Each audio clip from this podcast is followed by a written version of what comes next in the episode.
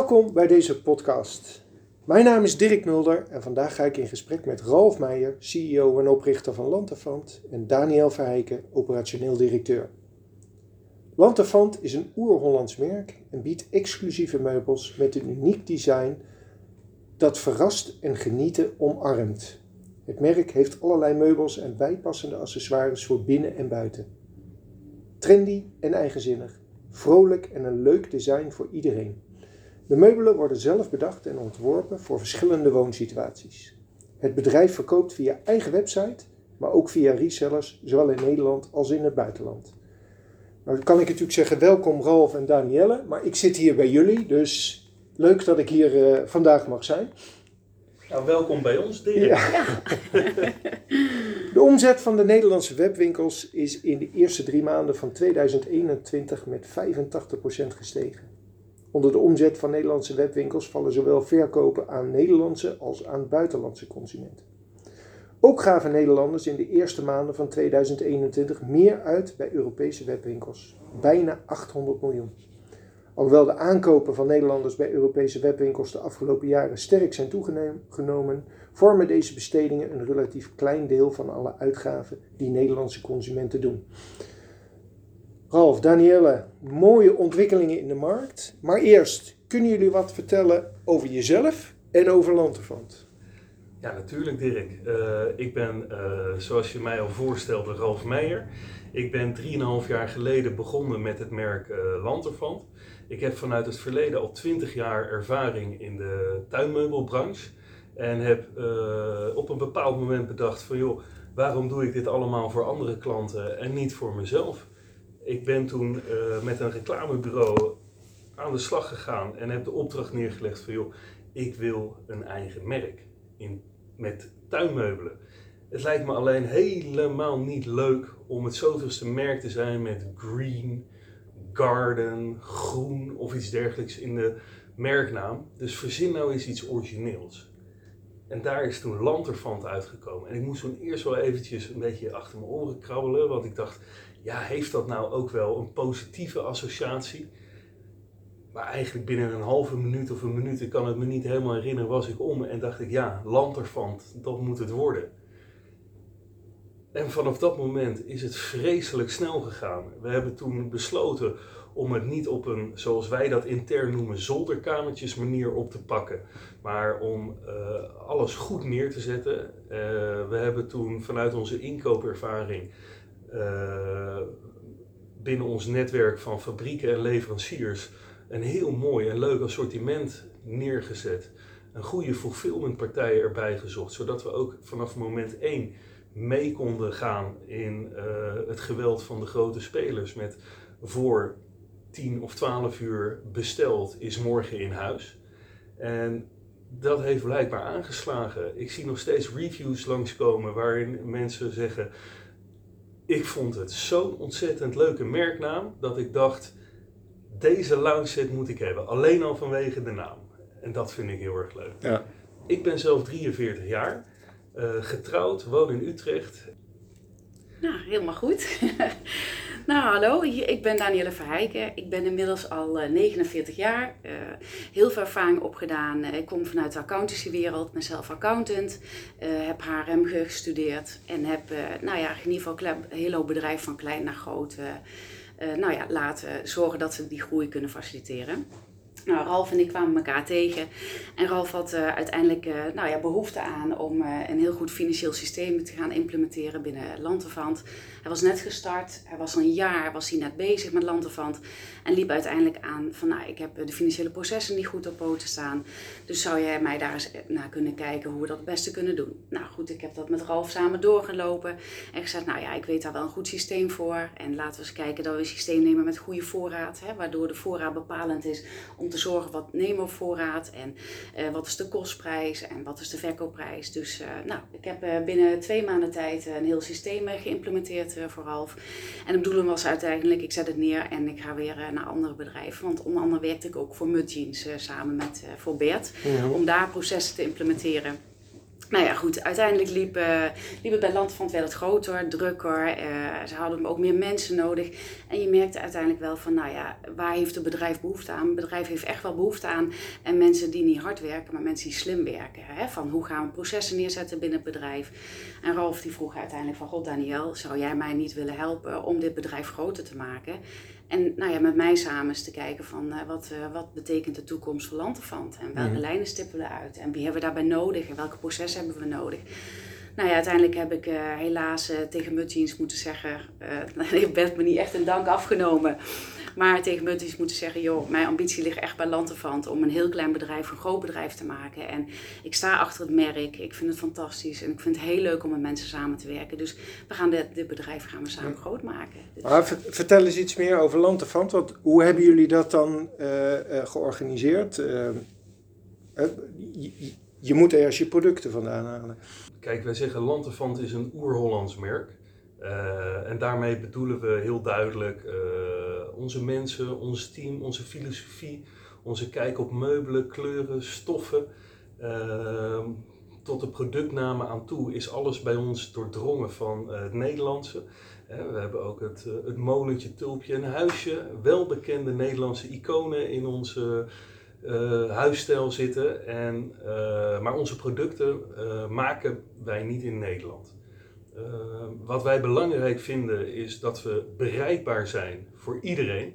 En als we onze producten in, allemaal in Nederland zouden laten produceren, dan zou het stukje bereikbaar voor iedereen zou wegvallen. En dat zouden we zonde vinden.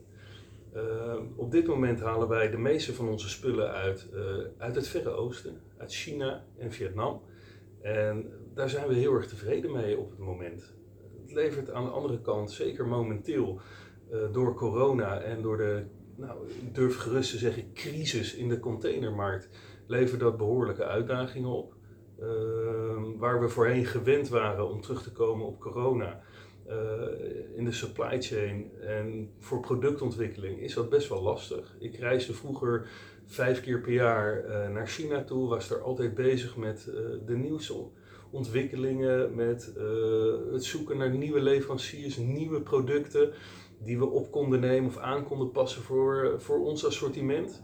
Ehm, ook aanpassen van producten, verpakkingen, nieuwe trends delen met onze leveranciers. En dat gaat al een tijdje niet meer. En ondanks dat bellen en videobellen een uitkomst is ge gebleken voor, nou, laten we de hele, zeggen, de hele wereld en zeker ook voor ons, beginnen we nu toch wel zelf een beetje tegen de grenzen aan te lopen van wat, wat mogelijk is. En, uh, in het begin pak je heel erg makkelijk op en zeg je nou, uh, als we een nieuw product laten ontwikkelen, voorheen gingen we dan naar de fabriek toe omdat we er regelmatig waren en bekeken we het sample, pasten het ter plekke aan. En nu zie je dat dat proces toch wel heel erg lang, langdurig wordt, doordat een product ingevlogen moet worden, wat ook wel heel erg wat meer kosten met zich meebrengt dan voor de corona. En daarnaast op het moment dat een product toch weer aangepast moet worden, moet er opnieuw een sample ingevlogen worden. Dus wij zien in dat opzicht vooral dat het ontwikkelen het fine-tunen en optimaliseren van onze producten, verpakkingen, verbeteringen, dat dat momenteel door de corona heel erg lastig is. En het verschuiven van productie naar Europa blijkt toch ook lastig te zijn. Uh, soms zijn de prijzen zo anders, zoveel hoger. Uh, dat, dat het enige voordeel nog is de kortere aanvoerlijn, waardoor je kunt zeggen nou, vanuit een liquide oogpunt minder hoeven te verschepen om hetzelfde aantal artikelen op voorraad te nemen. Eh, even, want hoe regel je dat dan? Nou, we hebben een fantastische uh, dame op inkoop zitten. Mm -hmm. En wij hebben een tijdje geleden besloten dat we onze focus uh, voor het komende tuinseizoen van 2022 gaan verschuiven naar vergroening en optimalisatie. Uh, de belangrijkste optimalisatie die we momenteel gevonden hebben is het aanpassen van onze kussens. Eigenlijk elke tuinset, elke tuinbank, loungebank wordt geleverd met kussens. Mm -hmm. En daar zit nou eenmaal heel veel lucht in. Door die vacuüm te trekken, die kussens, dat hebben we eigenlijk een beetje afgekeken van de matrassenmarkt. Mhm. Eh, je ziet het bij IKEA heel erg. Een, een matras zit opgerold in een dikke plastic zak. Ehm, ja, daar prik je eigenlijk een klein gaatje in en hij vult zich weer met lucht. Nou goed, dat heeft natuurlijk een enorm eh, financieel voordeel, omdat we momenteel minder, eh, 60 containers minder hoeven te verschepen. En daarnaast zorgt het er ook voor dat onze footprint, onze eh, carbon footprint, enorm afneemt. Ja. En daar zijn we wel een beetje trots op. En eigenlijk hadden we dat nooit gedaan zonder de coronacrisis, zonder eh, deze hoge containertarieven. Maar dat is het groene aspect hè, wat, je, wat je benoemt. Maar je, Mhm. je gaf eerder ook al aan. Hè, eh, ik- ik zie veel bedrijven in de sector die maken op dit moment als gevolg van corona de keuze van of hè, we gaan kijken eh, productie naar Europa halen.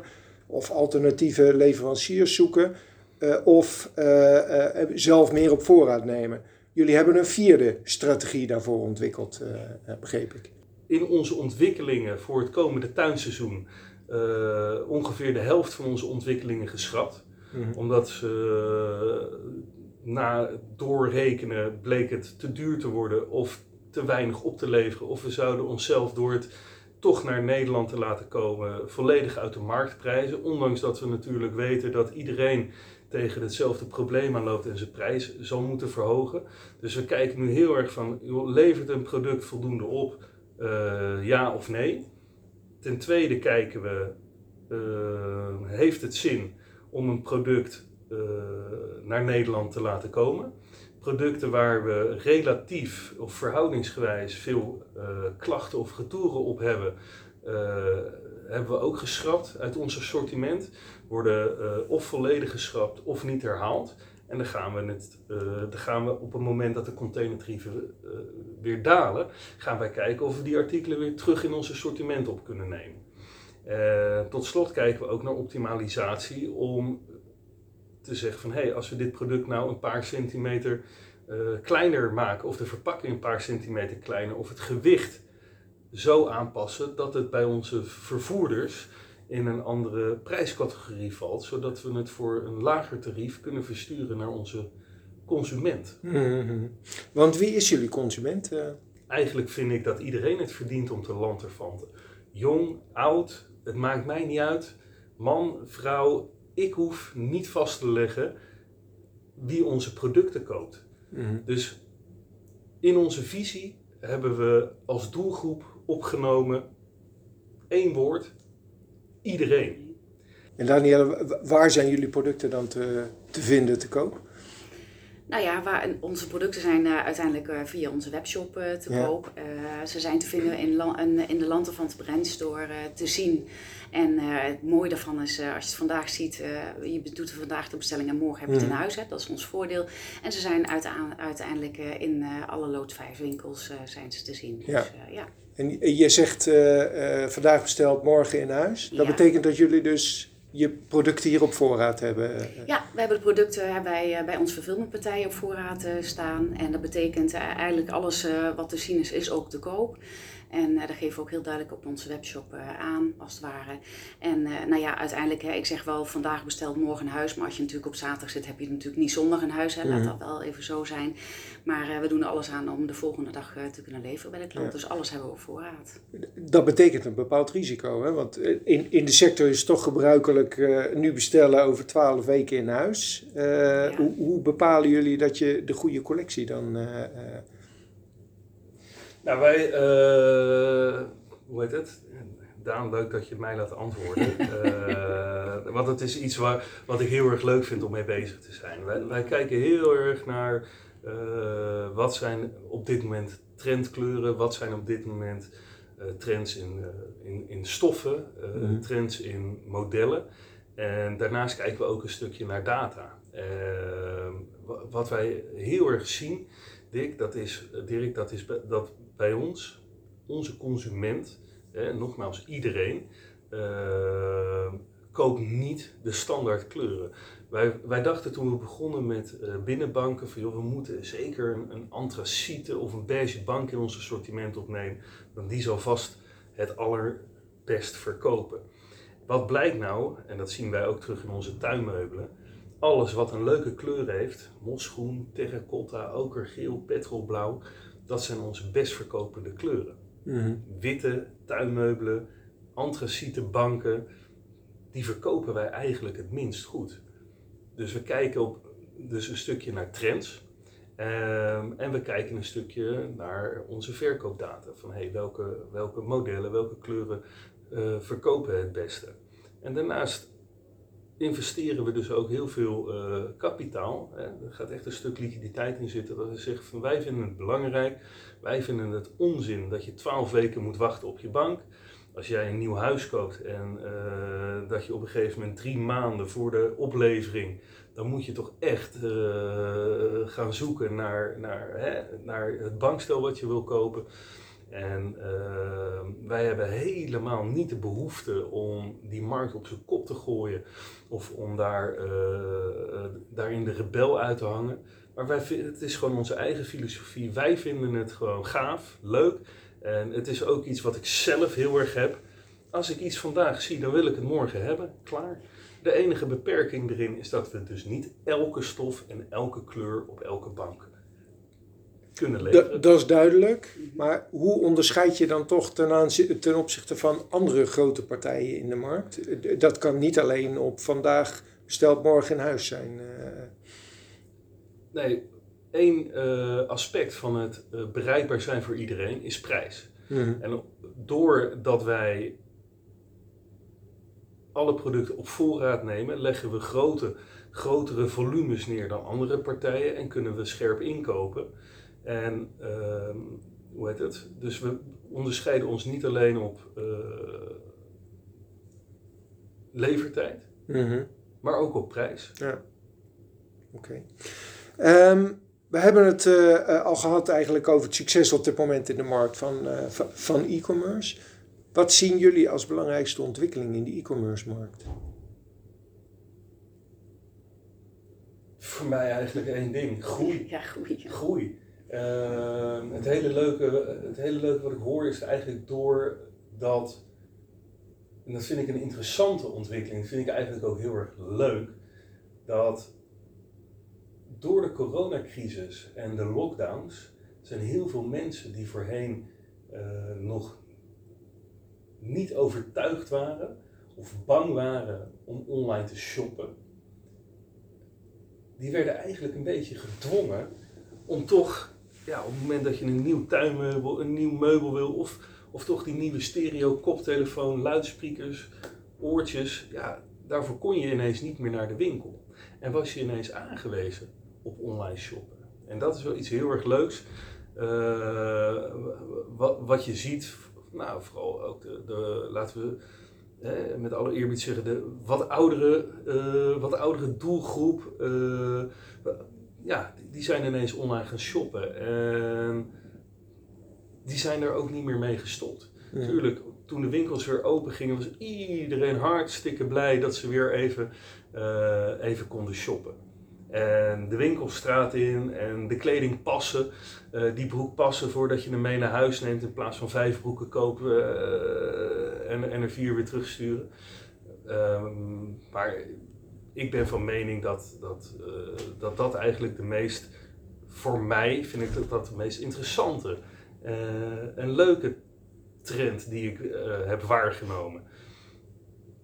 Ja. En Daniel, als ik dan naar jou kijk, hè, van uh, uh, groei is belangrijk, uh, geven jullie aan. Maar hoe manage je dan die groei? Ja, dat is heel leuk. nou ja, kijk, wat, uh, hoe manage je de groei? De groei manage je eigenlijk door de mensen aan te nemen die bij je passen. Mhm. Hè, dat doen we ook met uh, leveranciers. Uh, dat doen we ook met nou ja, een goede accountant, een goede bank waar, wat bij ons past. Hè, daar sluiten we ons bij aan. maar ja, ook onze mensen, zeg maar. Hè, want onze, kijk, Lantefant is een hele mooie naam. is een leuke naam. Maar ja, wie maakt nou Lantefant? Hè? Dat doen eigenlijk nou ja, onze mensen die we aannemen. En, uh, hoe zorgen wij dat we die mensen nou bij ons behouden? Hè? Want dat is een heel belangrijk iets, is door ze overal bij te betrekken. Open te zijn, eerlijk te zijn, niet boven te hangen, maar naast te staan.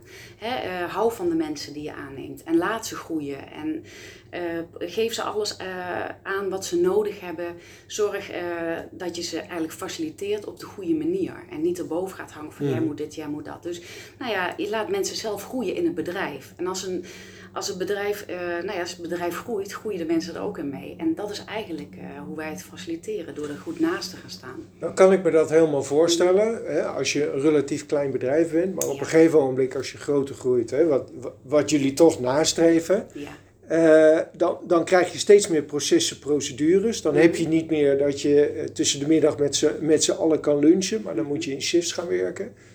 Heb je daarover nagedacht, hoe je dat naar de toekomst toe toch eh, vast eh, kan blijven houden? Ja, ja, ja zeker wel. Ja. Nou, daar hebben we natuurlijk wel zeker over nagedacht. Uh, we hebben ook wel eens gedacht, hè, nou ja goed, ik heb natuurlijk daar best wel veel ervaring al mee opgedaan.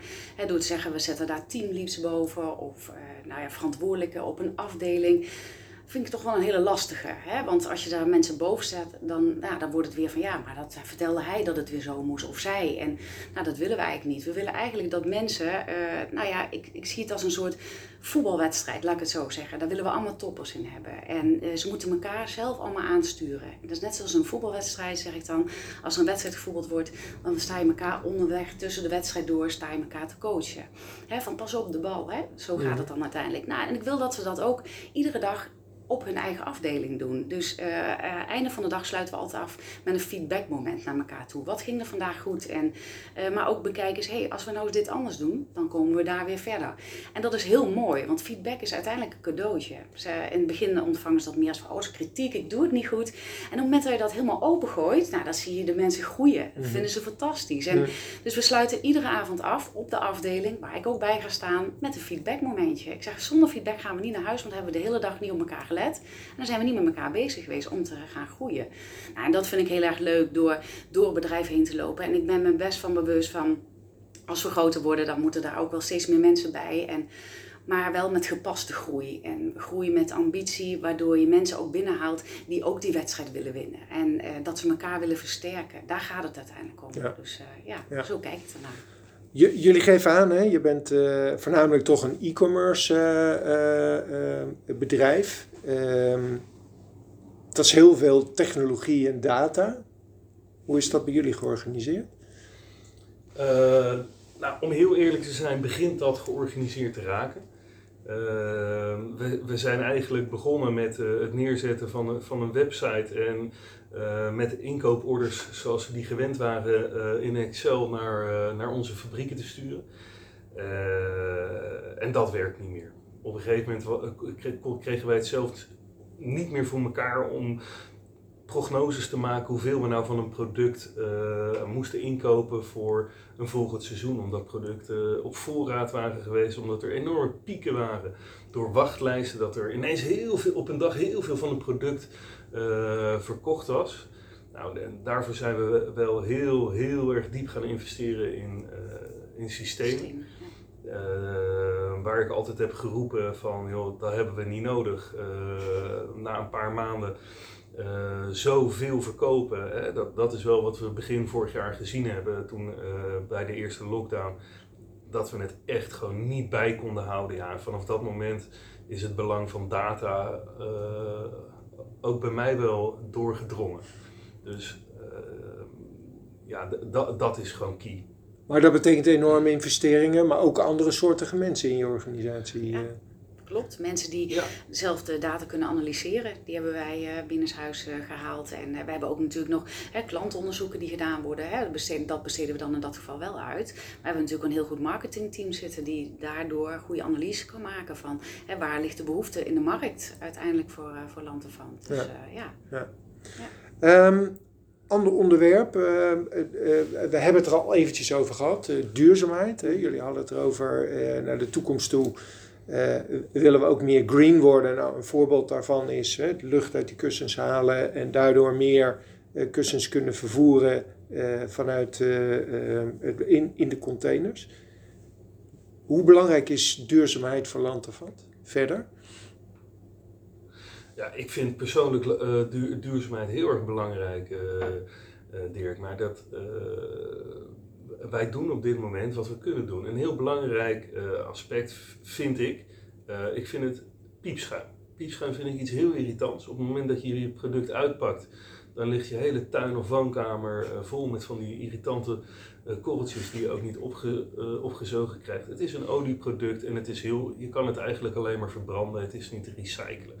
Op dit moment hebben wij een heel, heel groot project gaande om al het piepschuim uit onze verpakkingen te, te weren. En dat allemaal te vervangen door karton. Het voordeel buiten het milieu is dat je eigenlijk ook met je verpakking, bij verkopen meubelen en tuinmeubelen, dus al onze verpakkingen zijn vrij groot. Je kunt heel makkelijk naar de lokale stort rijden of naar de lokale papierkliko om uh, je hele, je complete verpakking te disposen, maar en ook te laten recyclen. Dat is op dit moment waar wij mee ons, ons belangrijkste project. Ja, en dan heb je er wel mee te maken in deze tijd. We hebben het natuurlijk even over stijgende grondstofprijzen. Maar papier en karton stijgt ook de prijs uit. Is dat nog een beperking voor jullie dan in, in dat streven? Nee, het is geen beperking. Het is iets waar we mee, uh, wij, uh, wat we moeten accepteren. Uh, wij, wij, wij kijken er altijd naar, hè? Net, net, als met die containerprijzen. Ja, wat we niet kunnen veranderen, dat moeten we, mm. dat moeten we maar omarmen en zo goed mogelijk mee omzien te gaan. En ehm, wij kiezen er dan heel erg duidelijk voor om, ondanks dat die prijzen voor papier en karton omhoog gaan, om dat toch te blijven gebruiken als verpakking. Omdat het nu eenmaal voor ons onmogelijk is om onze producten onverpakt te versturen. Ja, absoluut. Ja. Um, en op productniveau, Daniel, als je kijkt, hè, dan kom ik weer even terug op dat, mm. dat duurzaamheid. Ja. Uh, uh, ja, meubelen zijn per definitie natuurlijk niet duurzaam. Hoe, hoe mm-hmm. kijken jullie daar naartoe? Ja, dat is een hele goeie. Ja, kijk nou wel even Ralf aan hoor, omdat het om het product nou gaat. Nou ja, goed, je, je, ja. producten, je hebt natuurlijk heel veel uh, circulair, hè, dat ja. men daar nu over heeft. Zijn jullie daarmee bezig? Nou ja, goed, wat uh, wel een leuk voorbeeld is, is uiteindelijk, uh, we hebben ook een samenwerking met, uh, met in dit geval. En we hebben in verband met de samenwerking die ik met Bert heb, uiteindelijk heb gehad, is dat we gedacht hebben van nou, we willen dat ook binnen ons zeg maar, assortiment betrekken. Dus we hebben met Bert samenwerking kunnen nou ja, bewerkstelligen dat we leuke plates hebben kunnen laten maken met bedrukken van Lanterfant erop, met de stof van, van Mudjeans als het ware. En daar ook nog leuke shorts, barbecue shorts uh, schorts erbij te doen. Dus uh, nou ja, je merkt gewoon dat het gewoon heel erg leuk is om de samenwerking te vinden met bedrijven die daar ook zeg maar, op een ander uh, niveau mee bezig is als het ware. Kijk, meubels is heel lastig om dat als circulaire te gaan bewerkstelligen. Maar het leuke is wel om daar zeker mee bezig te zijn. En we schuiven dat niet zomaar weg. Natuurlijk denken wij daar ook aan. Ja. ja. ja. Um, ja, tot, toch tot slot, uh, ik denk dat we nog uren door kunnen praten, maar tot slot van, uh, uh, van dit gesprek. hebben jullie nog een tip voor andere ondernemers? Nou ja, als, als ik hem nog even als laatste ja. mag toevoegen, even voor, vanuit de organisatie, interne organisatie. De tip van de interne organisatie, als ik daar naartoe kijk, is van wees goed voor je mensen en hou van je mensen. En op het moment dat je echt van je mensen houdt, die je aanneemt en die je bindt aan je bedrijf, en overal in meeneemt hè, waar je voor plan bent, ja, dan willen de mensen alleen maar voor je werken. Hè. Laat ze zijn wie ze zijn en uh, laat ze doen waar ze goed in zijn. En ja, ik vind het gewoon fantastisch als je ziet hoeveel hè, we lachen met elkaar, we huilen met elkaar. Uh, we doen van alles met elkaar, maar we willen alleen maar met elkaar zijn. En hoe mooi is dat? Hè? Want je bent toch ja, 9 van de 10 keer meer op de zaak als dat je thuis bent. En proberen alles ook even omtrent de coronatijd heel goed te faciliteren. Ja, en het is fantastisch. Iedere dag dat mensen hier met blije gezichtjes binnenkomen en luisteren naar je mensen. En dat is zoiets fantastisch. Ja, Heerlijk. Ja, ja. Nog half van jou de afsluiting. nou, ik heb daar tijdens het verhaal wat Danielle net als afsluiter verteld over na zitten denken. En ik kan uiteraard uh, heel veel tips uit mijn mouw schudden, maar ik denk dat ik daar heel veel open deuren mee intrap. En eigenlijk vind ik het wel heel erg leuk. En eigenlijk is het gewoon de belangrijkste ondernemerstip die, uh, die Danielle net vertelt. Uh, hou van je mensen, zorg goed van je mensen. En dat is eigenlijk mhm. gewoon, uh, gewoon het belangrijkste, want dat is ook Lanterfant. Ja. ja. Er voor onze mensen zijn, want dan zijn ze er ook voor ons. En daar, dan, dan kunnen wij iets moois maken. En zonder die mensen bestaat Lanterfant of het product niet. Mooie afsluiting, denk ik. Ja. Dank jullie wel. Dank jullie ook voor het luisteren naar deze podcast. Voor andere podcasts eh, verwijs ik je graag naar eh, ing.nl. Ralf, Danielle, dank voor eh, dit gesprek en dat ik hier aanwezig mocht zijn. Hartstikke mooi.